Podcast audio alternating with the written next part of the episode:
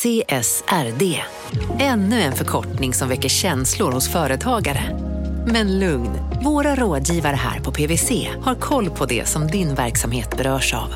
Från hållbarhetslösningar och nya regelverk till affärsutveckling och ansvarsfulla AI-strategier. Välkommen till PWC. Här sitter jag i en ljudstudio tillsammans med ett sjölejon för att berätta att McDonalds nu ger fina deals i sin app till alla som slänger sin takeaway förpackning på rätt ställe. Även om skräpet kommer från andra snabbmatsrestauranger, exempelvis Eller till exempel Ja, precis. Om en yogamatta är på väg till dig, som gör att du för första gången hittar ditt inre lugn och gör dig befordrad på jobbet men du tackar nej för du drivs inte längre av prestation. Då finns det flera smarta sätt att beställa hem din yogamatta på. Som till våra paketboxar till exempel. Hälsningar Postnord. Från Monopol Media, det här är Kapitalet. Jag heter Gunnar Harjus. Och jag heter Jakob Bursell. 19 april 1995, Pittsburgh, USA. En man går in på en bank. Helt omaskerad, ingenting för ansiktet. Det är dagsljus. Han har en pistol i handen. Han rånar banken, går ut därifrån, går till nästa bank, rånar också den. Det finns hur många vittnen som helst. Det finns övervakningskameror, det finns bilder. Polisen lägger ut bilder på mannen. De får snart massa tips. Man åker hem till mannen på bilden, MacArthur Wheeler, knackar på och han är totalt oförstående inför det här. Va, va, varför då? Va, var det han? Jo, det var han. Men han kunde inte för sitt liv förstå hur de kunde ha bilder på honom eller hur de kunde koppla ihop de här bilderna med honom. För, för att citera honom själv, han hade ju använt juicen. Juicen? Han hade smort in sitt ansikte med citronjuice. För som du vet, citronjuice gör ju dig osynlig. Jag vet att det inte gör mig osynlig. Jag vet också att det inte gör mig osynlig. Däremot så gör det bläck osynligt. Eller alltså man kan använda citronjuice som osynligt bläck. Och det visste MacArthur Wheeler. Och han då överskattade dramatiskt sin förmåga att förstå citronjuicens egenskaper. MacArthur Wheeler är inte bara en dåre, han är faktiskt inte alls en dåre, men han, han är en fallstudie i en forskning som handlar om vår mänskliga benägenhet att gravt överskatta vår egen förmåga. Eh, det här går igenom egentligen allt i samhället, från typ korpfotboll till finansiella beslut till vår förmåga att uppskatta hur ofta vi tar undan disken. Men jag tror att jag har rätt när jag säger att det kanske främst tar sig uttryck i våra arbeten. Mm. Hur då? Jag tror att alla som lyssnar, jag skulle kunna slå vad med dig om det här, att alla som lyssnar har fem grejer som de och alla andra på deras jobb kan liksom peka ut som ett tydligt problem. Ändå händer det ingenting med de här problemen. Och det är sjukt. Vi är fast i någonting som skulle kunna beskrivas som... Att det bara fortsätter vara som det är trots att människor ser att det är ett problem. Alla människor är fast i någonting som det inte görs någonting åt. Och det är den dåliga nyheten. Den bra nyheten är att vi kommer lösa allt det här idag. För dagens avsnitt eh, så kommer vi reda ut vad det egentligen är som går fel med alla företag. Vi kommer prata om lösningar som konstigt nog kanske innehåller väldigt många fel. Kapitalet räddar näringslivet alltså? Kapitalet räddar näringslivet efter det här.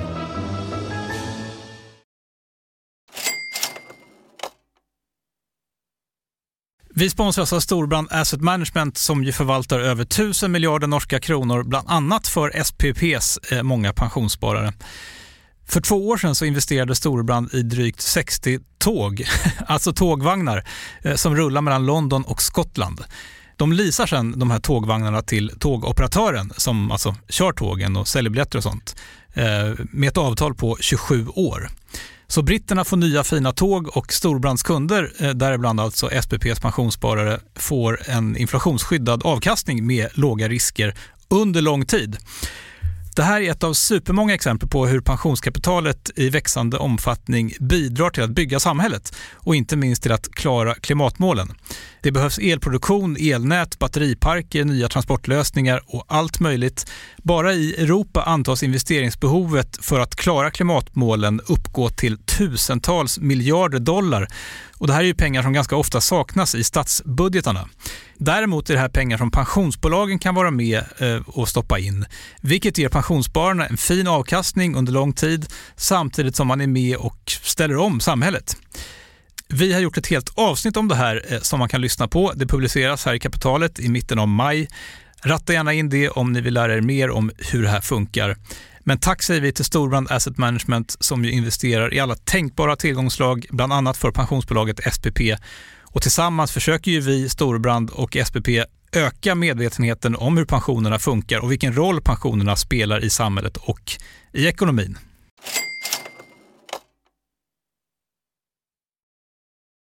Så här är det. Folk, och med folk menar jag personer som arbetar, eh, har alla en gnagande känsla av att saker på deras jobb skulle kunna funka väldigt mycket bättre på nästan alla sätt. Mm, det där känner man igen. Mm. Och jag tror nästan ingen människa är helt nöjd på sitt jobb. Det finns alltid någonting och det finns en lösning. Lösningen någonting måste hända med det här problemet. Men sen är det ganska svårt också att få någonting att hända ibland. Verkligen. Man känner att varken företaget eller organisationen eller en själv utvecklas. Saker rör sig inte från en plats till en annan. Jag kan känna en otrolig frustration över att det går för långsamt. Eh, det kan jag verkligen känna. Och kanske att ingen lyssnar på en riktigt. Jo, men att man är den enda som typ så vill någonting. Exakt. men varken du eller jag uppenbarligen har ju någon så här otrolig lösning på hur det här ska fungera. Däremot finns det jättemånga människor som lägger ner otroligt mycket tid på att komma på lösningar.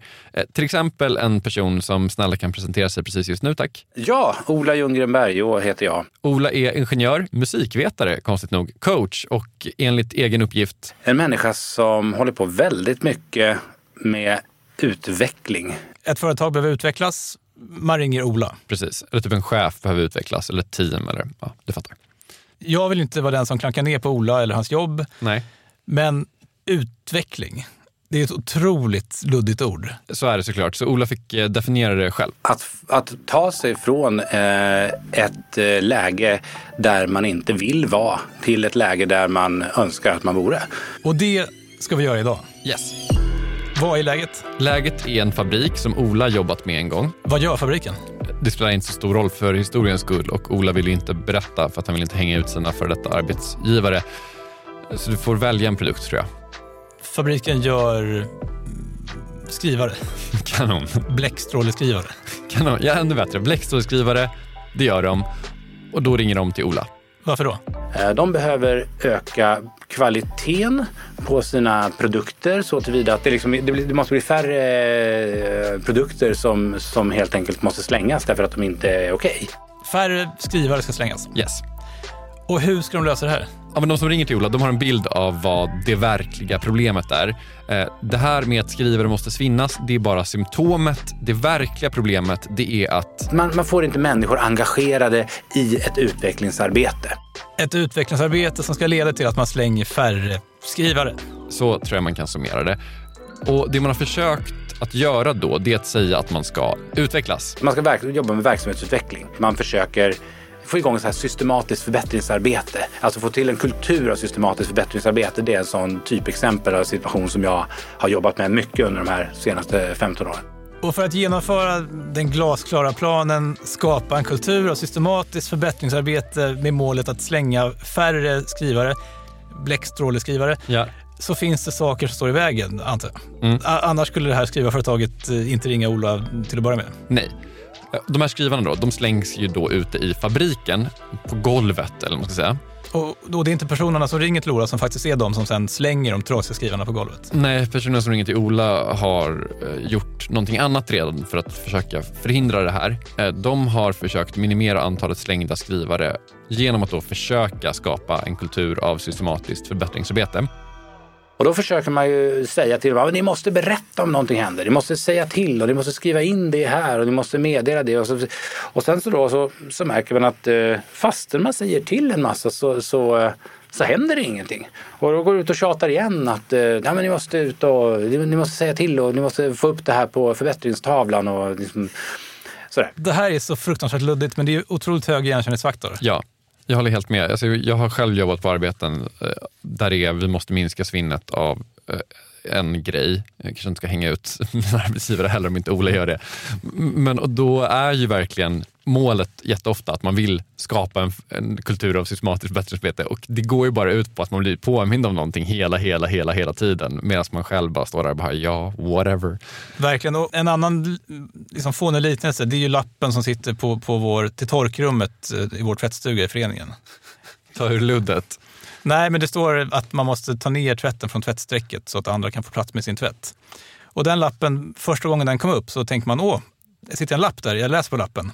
Oj, de vill att jag ska ta ner tvätten snabbare. Mm. Ja. Andra gången så gör inte lappen samma intryck. Tredje gången så ser man inte ens lappen och sen är det bara en pappersbit som man är så van vid att se att man inte ens tänker på att den finns där. Det blir liksom bokstavligen en del av inredningen. Eh, precis. Ja. Och ändå är det någons försök att åstadkomma en förändring ja. som har lett till absolut ingenting. Mm. Gott exempel på hur svårt det är att åstadkomma utveckling faktiskt. Men personerna då som ringer till Ola, de har då uttömt alla möjligheter. De har satt upp alla de här lapparna, ingenting har hänt. Och så har de sagt till och så har de sagt till igen, satt upp en ny lapp, mm. ingenting hände. Nej. Till slut så... Det finns ingenting kvar att göra. Ingen skuld kan ju möjligtvis falla över dem. Och det är då man tar in konsulten. Exakt. Eh, här, det går ju att skämta om sånt här, men det är ju så här saker funkar. Man kanske är chef och då säger man typ så här, ja men se till om någonting går fel, eller om du undrar över någonting. Eller, det är viktigt att vi lyfter när saker går fel. Och så länge ingen säger till vad som faktiskt är fel så utgår man från att allting är lugnt. Alltså jag tänker att det bara är så sjukt många arbetsplatser funkar. Men okej, vi är i skrivarfabriken och mm. någonting har uppenbarligen inte gått helt rätt till. Vad är det då som är fel egentligen? Bra fråga. Eh, på en arbetsplats finns det ju då massa, massa saker som inte funkar, men som borde funka. Eh, skrivarföretaget till exempel, de har ju då en ledningsgrupp. Den här gruppen har ledningsgruppsmöten, mm. men ändå går inte antalet dåliga skrivare ner. Men hur är det möjligt? Ja, alltså det går ju att skämta om det, men på riktigt, hur är det möjligt? Hur kan det jobba typ 50 personer på ett företag? Alla 50 vet att det finns för mycket skrivare, men ingenting händer. Det, det, det låter helt sjukt, tycker jag. Men hur är det möjligt på riktigt då? Ja, men så här, det finns såklart en miljon anledningar till varför det svinnas skrivare. Men det finns primärt två anledningar, hävdas det internt i alla fall. Ledningsgruppen hävdar en sak. Ja, men det handlar om att våra medarbetare, ja, men de bryr sig egentligen inte riktigt om det här. De är egentligen så här ganska lata, eller vad det nu är för någon typ av bild jag får. Vilket då inte medarbetarna håller med om, för de föraktar sina chefer och så går de till facket och uh, surar. Eh, de tycker att det finns en annan sak som är problemet. De upplever ju ofta att ja, men vi har ju koll på eh, Eh, på de här sakerna och vi för fram dem på det sättet. Det är bara det att med vissa grejer så, eh, så blir det, så, så, vill inte, så vill inte våra chefer och ledare eh, förändra eller ta de besluten kan det vara. Så här. Typexempel, så man vill ha nya truckar, man vill ha nya eh, arbetskläder, man vill ha liksom, väldigt mycket sådana här konkreta saker som som man upplever, kanske från det perspektivet, som att det är där skon klämmer. En massa yttre omständigheter som om vi, hade, om vi bara hade det här, då skulle det, då skulle det vara en helt annan grej. Eh, men faktum är att i det här visserligen lite fiktiva men ändå så based on a true story-fallet så är det ingen av de här som har rätt. Felet är inte att det behövs nya truckar och felet är absolut inte att de som kör truckarna är lata eller slarviga eller inte bryr sig. Så vad är felet? Vad står i vägen för utvecklingen? Felet är att de inte vet att de har fel. Varför vet de inte att de har fel? Och det är väl någonstans där, det här med Dunning-Kruger-effekten och så. Dunning, vadå? Dunning-Kruger-effekten. En känd effekt från psykologin där att man, om man inte, om man kan sådär bara lite halvbra någonting, då har man en tendens att eh, överskatta sin förmåga och sin kunskap inom ett visst område. Men det är först då så att säga när man börjar på allvar förstå ett område ordentligt, det är då som man börjar bli ödmjuk också inför att man eh, trots allt inte kan någonting. Kan man lite så tror man mycket på sig själv-effekten. Är, är det den effekten vi pratar om? Det är den effekten. Det är liksom grunden i den effekten. Dunning och Kruger, två forskare på Cornell, Eh, det här är runt millennieskiftet. De gjorde massa test på folk. Grammatiktestet är det kändaste. Eh, man fick göra ett ganska svårt grammatiktest och sen så fick man säga hur bra man trodde att man gjorde ifrån sig i förhållande till hur alla andra gjorde ifrån sig. Och alla då som gjorde illa ifrån sig? De trodde att de var bättre än snittet. Verkligen så. Och dessutom, de bra underskattade sin egen förmåga. Uh, Dunning-Kruger summerade det som den inkompetenta har en felaktig uppfattning om sig själv, den kompetente har en felaktig uppfattning om andra. Det mest spektakulära exemplet på det här är det vi tog upp i början. Det här med MacArthur Wheeler som rånade en bank för att han hade smetat in ansiktet i citronjuice och trodde han blev osynlig. Men, men är det här egentligen alltså Dunning-Kruger-effekten? Killen var ju, alltså, det låter bara som att han var dum helt enkelt. Väck. Ja. att var galen. Man gjorde så drogtester på honom direkt och man har gjort psykiatriska utvärderingar av honom innan eh, han blev dömd. Och han är inte kliniskt galen, han hade bara otroligt fel. Det här tycker jag hör samman med en annan grej som man verkligen kan avsky på företag och som jag tror verkligen är ett problem för jättemånga. Eh, prestige. Mm. Inte ett favoritord för dig. Nej. Nej. Så att vi har en ledningsgrupp. Du är finanschef, jag är eh, marknadschef kanske. Mm, okay. ja. Vi har ett möte och det som händer då är att jag är då marknadsansvarig så jag har en marknadsdragning. Så jag har, bara drar min grej, marknadsgrejen. Du har en finansdragning. Jag lyssnar inte på dig något särskilt. Du lyssnar inte på mig något särskilt. Eh, för vi har massa prestige i våra frågor. Det är också så att din dragning är inte särskilt inkluderande. Du vill mest visa, här kan jag massa grejer och det ska inte du få lära dig någonting om för då kan du inkräkta på mitt revir. Och jag är samma sak med min marknadsdragning och ingen lyssnar på någon.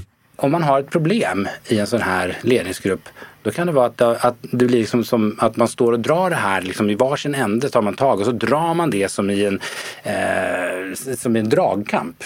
Istället för att ta den där grejen och lägga den på bordet mellan sig och ställa sig bredvid varandra och titta på den. Att här har vi ett gemensamt problem som vi behöver lösa. Okej, så vi har eh, ett, ett bläckskrivarföretag. Man slänger massa skrivare. Ledningen tror att de på golvet är lata eller dumma eller dåliga.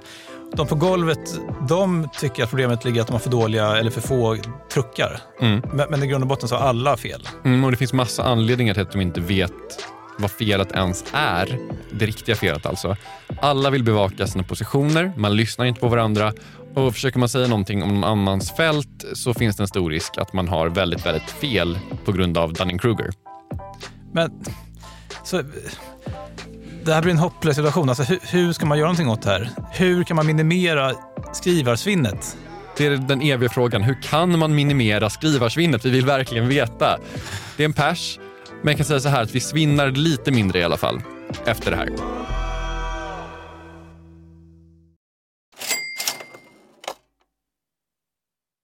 Kapitalet sponsras av Master Exchange, plattformen där du som privatperson kan investera i låtar och får pengar varje gång de här låtarna spelas.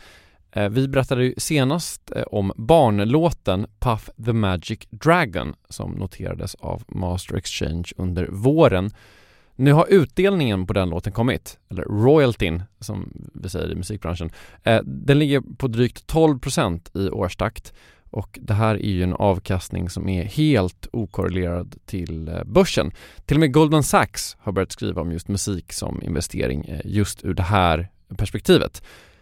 Nu finns en möjlighet att investera i en ny låt. Eh, låten heter Boss Bitch och den är av Doja Cat som, alltså jag ska inte säga att jag är superdeep här men det är ändå en, en person som jag vet om det är. En, en världskändis. Den här låten gav, baserat på förra årets spelningar, en avkastning på drygt 13% Master Exchange har just nu en väntelista på registreringar. Det, det, går lite för bra för dem kan man säga. Men skriver ni in kapitalet som promo code så kan ni runda kön och ansöka om andelar i låten Boss Bitch ändå. Om ni investerar helt vanliga pengar, det är inget krypto eller sånt där, så vill du investera i musik och få en avkastning som är helt okorrelerad med börsen och kanske inte minst för att det är kul att äga låtar eh, så kan man gå in på masterexchange.com och använda kapitalet som promocode så går man alltså förbi kön. Kom ihåg dock att alla investeringar är förenade med risk men vi säger stort, stort tack till Master Exchange. Kapitalet sponsras av Karla, Jakob. Ja, bilar igen. Ja, det är eh, härligt. På Karla kan man sälja sin elbil eh, på det gissningsvis smidigaste sättet i Sverige Eh, Karla har ju ett nästan ett komiskt högt användarbetyg på Trustpilot. Mm. 4,8 av 5, vilket jag typ aldrig hört talas om. Nej, det är väldigt, väldigt högt. Eh, man knappar in lite info om bilen på sidan, sen får man en gratis värdering och ett bud. Accepterar du budet kommer Karla och hämtar upp bilen gratis och sätter in pengarna innan de kör iväg. Inget mer än så. Rätt fantastiskt. Nej, det är faktiskt Ja. helt otroligt. Och eh, det kan bli ännu mer eh, otroligt än så. eh, För att vi har nämligen en rabattkod som ger dig 2000 kronor extra för bilen. Så om du säljer din bil så får du två lax extra. Stämmer. Bara sådär. Koden är Monopol. Och den uppger du när du har värderat bilen och pratat med Karlas inköpare. Koden är giltig till sista maj, så att passa på om du går i säljartankar. Jag undrar om vi haft en kod som har gett två lax bara sådär någon gång. Det är Nej, helt otroligt. man behöver en bil förvisso. Absolut, så det är inte, kanske inte bara sådär, men det är ändå 2000 kronor extra. Väldigt bra. Ja. Så sälj din elbil eller laddhybrid till Karla. Du får 2000 kronor extra med rabattkoden Monopol. Eh, hoppa in och kolla på karla.se, Karla C. Där kan man också köpa bilar ska jag tillägga. Verkligen. Vi säger stort tack till Karla.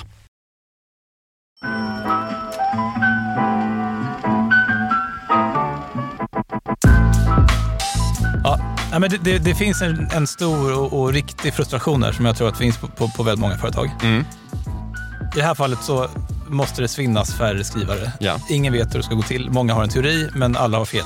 Ja, så är det. Vad är felet? Det enda jag vet, det är att det inte är mitt fel. Så det är ditt fel. Jag jobbar inte ens på det här företaget. Nej, hur kan det vara ditt fel? Ja, Det är en klassisk ursäkt eh, och ett väldigt vanligt fenomen. Man skyller ifrån sig. Och det blir ofta viktigare till exempel att känna att, att, alltså så här, liksom att man har ryggen fri. Så att det blir liksom en, ett, ett rädslostyrt beteende när man möts istället för liksom ett bejakande och ett lyssnande beteende som är att nu ska vi faktiskt ta oss an det här som ett gemensamt problem. För istället så hamnar man i att man eh, att bli viktigare att visa att den andra har fel. Att visa att eh, det här inte är mitt fel utan, utan någon annans. Eh, och oftast då, ett typexempel är ju att om, om två parter möter, då är det ofta någon tredje parts eh, fel som är utanför rummet. För då kan man åtminstone enas om det.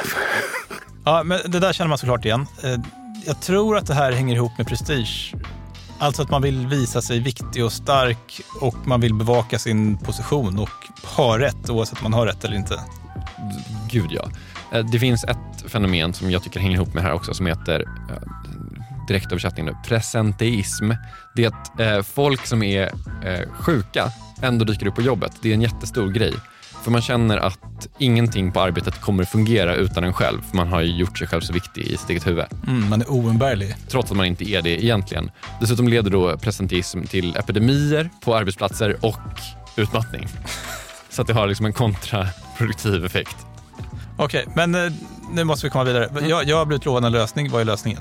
Ja, men så här, jag kan låta dig själv komma fram till lösningen. Problemet har vi etablerat är att folk inte vill erkänna att de har fel eller att de inte kan någonting. Så lösningen måste vara då att erkänna att de har fel eller, eller att de inte kan någonting. Om man är ledare, om man tar ner garden och vågar visa sig själv sårbar och sina egna fel och brister så hjälper man andra att göra det och plötsligt kan vi börja prata om sådana saker som också är det här det här blev fel och jag tror att det var jag som var ansvarig för det. Ehm, och då kunnat prata om det som, aha, ja, just det, och det felet, det är inte du som är felet. Och det är inte heller bara ditt fel, utan det här är vårt fel. Det är liksom vårt gemensamma problem att lösa. För vi är en organisation som har ett annat syfte än att, hur ska man säga, prata om vems fel saker och ting är. Okej, så från ledarhåll så kan man visa lite mer ödmjukhet. Mm. Eller från alla håll egentligen. Men man måste liksom på riktigt, på riktigt, på riktigt se fel som någonting bra.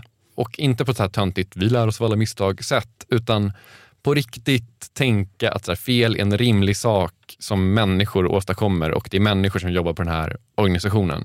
Eh, om man gör det, menar Ola, så får man höra mycket mer om de riktiga felen. Alltså människor ute i en organisation ser problem. Om man tar, oavsett vad det är för någonting. Så människor som jobbar med någonting, de stöter ju på problem i vardagen. Det kan vara saker som strular, saker man irriterar sig på, verkligen vardagsgrejer. Men också just att man ser att nej, men de här processerna hänger inte ihop eller de här eh, sättet som vi lämnar över vårt arbete till någon annan eller tar emot arbete från någon annan eh, funkar inte. Men men man säger inte riktigt till. Man tar inte upp det eh, därför att man någonstans är rädd för att, ja det finns massa olika saker att vara rädd för. Men, men, men man, man vågar inte riktigt konfrontera med det. Och det de här rädslorna eh, som dyker upp i en, det är det som, det är det som hämmar. Folk är rädda för att det kanske, förmodligen egentligen, är deras eget fel att någonting har gått fel och då tar man inte upp det. Alltså, mina tankar hamnar direkt hos stora tjänstemannaorganisationer mm. där det finns en förgiftad företagskultur där man inte vågar erkänna fel, för det erkänner man fel så är man rädd att man inte får löneförhöjning eller får man inte den där positionen som man strävar efter. Eller så får man en sämre plats när man flyttar nästa gång eller så får man någon annan nackdel. Mm. Men alltså, om det... ingen lyfter de här felen så kommer ingenting någonsin bli bättre och då kommer ja, det blir en ond cirkel och blir det bara sämre och sämre och sämre på jobbet. En fullständig mardröm. Anledningen till att en chef inte vågar visa sina svagheter eller att den har fel eller sådär, det är att man på något slags fundamentalt plan har byggt organisationer, jag har använt det ordet så himla många gånger nu, fel. Hur, hur då fel? Som till exempel, det finns en så här, man pratar om ett begrepp som taylorism. Att man organiserar sig efter att man har några som tänker och några som utför. Eller sagt några som tänker och väldigt många som utför. Och den idén eh, sitter kvar ganska mycket och den leder till exempel till, om man säger så, typexempel på så här hindrande beteende kan vara att chefer i en organisation får för sig att de måste kom, komma på de bästa idéerna, de måste ta eh, de bästa besluten och eh, de måste så att säga visa sig värdiga sin, sin chefskap genom att hela tiden vara on top of things. Och har man kvar den idén så är det ju väldigt svårt att åstadkomma de här sammanhangen då man faktiskt sätter sig ner och hörde ni, nu vill jag höra vad ni på allvar tycker för jag tror att jag sitter här och har inte riktigt eh, koll på läget eller har inte den bästa idén eller vad det nu kan vara. Och det där tror jag blir att, att upplevelsen är att man då på något vis gör sig eh, för sårbar. Att man eh, förlorar rätten att ha den här positionen man har i hierarkin till exempel. Så det enda vi behöver göra är att förändra då hur organisationer är uppbyggda, hur man förhåller sig till olika arbetsuppgifter, vem som ska göra vad. Och sen våga visa oss sårbara och erkänna alla fel utan prestige, utan rädsla, utan inslag av förgiftad kontorskultur. Piece of cake, säger jag. jag tror att det är som med ganska många saker i världen, att det är väldigt svårt att bara gå in och styra upp det här på en sekund. För, för det handlar om folks beteende, det handlar om, in, det handlar om vanor som mm. sitter djupt. Man, mm. man gör samma sak dag ut och dag in. Man tänker på samma sätt, man pratar med samma människor, man löser problem på samma sätt. Mm. man måste liksom försöka implementera ett nytt tankesätt. Eller bara liksom försöka ha med sig de här tankarna i bakhuvudet någonstans snarare än att så här, nu gör vi en helt ny organisation där som ska genomsyras av att lyfta fram våra fel. Eller så kan man göra det, jag vet inte. Ni får ringa Ola och anställa honom, honom antar jag. Eh, ska vi landa i det eller? Först dock eh, så vill jag veta hur det gick för det här skrivarföretaget. Det fanns ju inget skrivarföretag. Men i vårt fiktiva skrivarföretag, hur gick det? Det gick eh, ganska bra. Lösningen är nästan alltid att faktiskt erkänna hur nuläget faktiskt ser ut. Eh, så att, för alla i det här har, har en del i det. Alltså det är det som är grejen. Alla behöver erkänna fel och brister som har begåtts. Eh, att alla behöver faktiskt på allvar säga, jo men den här grejen den gör inte vi. Typ exempel, men vi gör inte det som står i instruktionen att vi ska göra. Och nu Jakob, så har de börjat göra de här grejerna. Äntligen. Snyggt! Yes, bra jobbat! Vårt skrivarföretag har vänt. Med det är kapitalet slut. Jag heter Gunnar Harjus. Du heter? Jakob Bursell. Eh, Åsa Secker är en del av den här redaktionen. Det är också Kristoffer Krook. Han har gjort den här slutmixen. På Instagram heter vi snabela kapitalet. Gå in där och surfa runt några timmar. Vi är tillbaka igen om en vecka med ett nytt avsnitt. Hej då! Hej!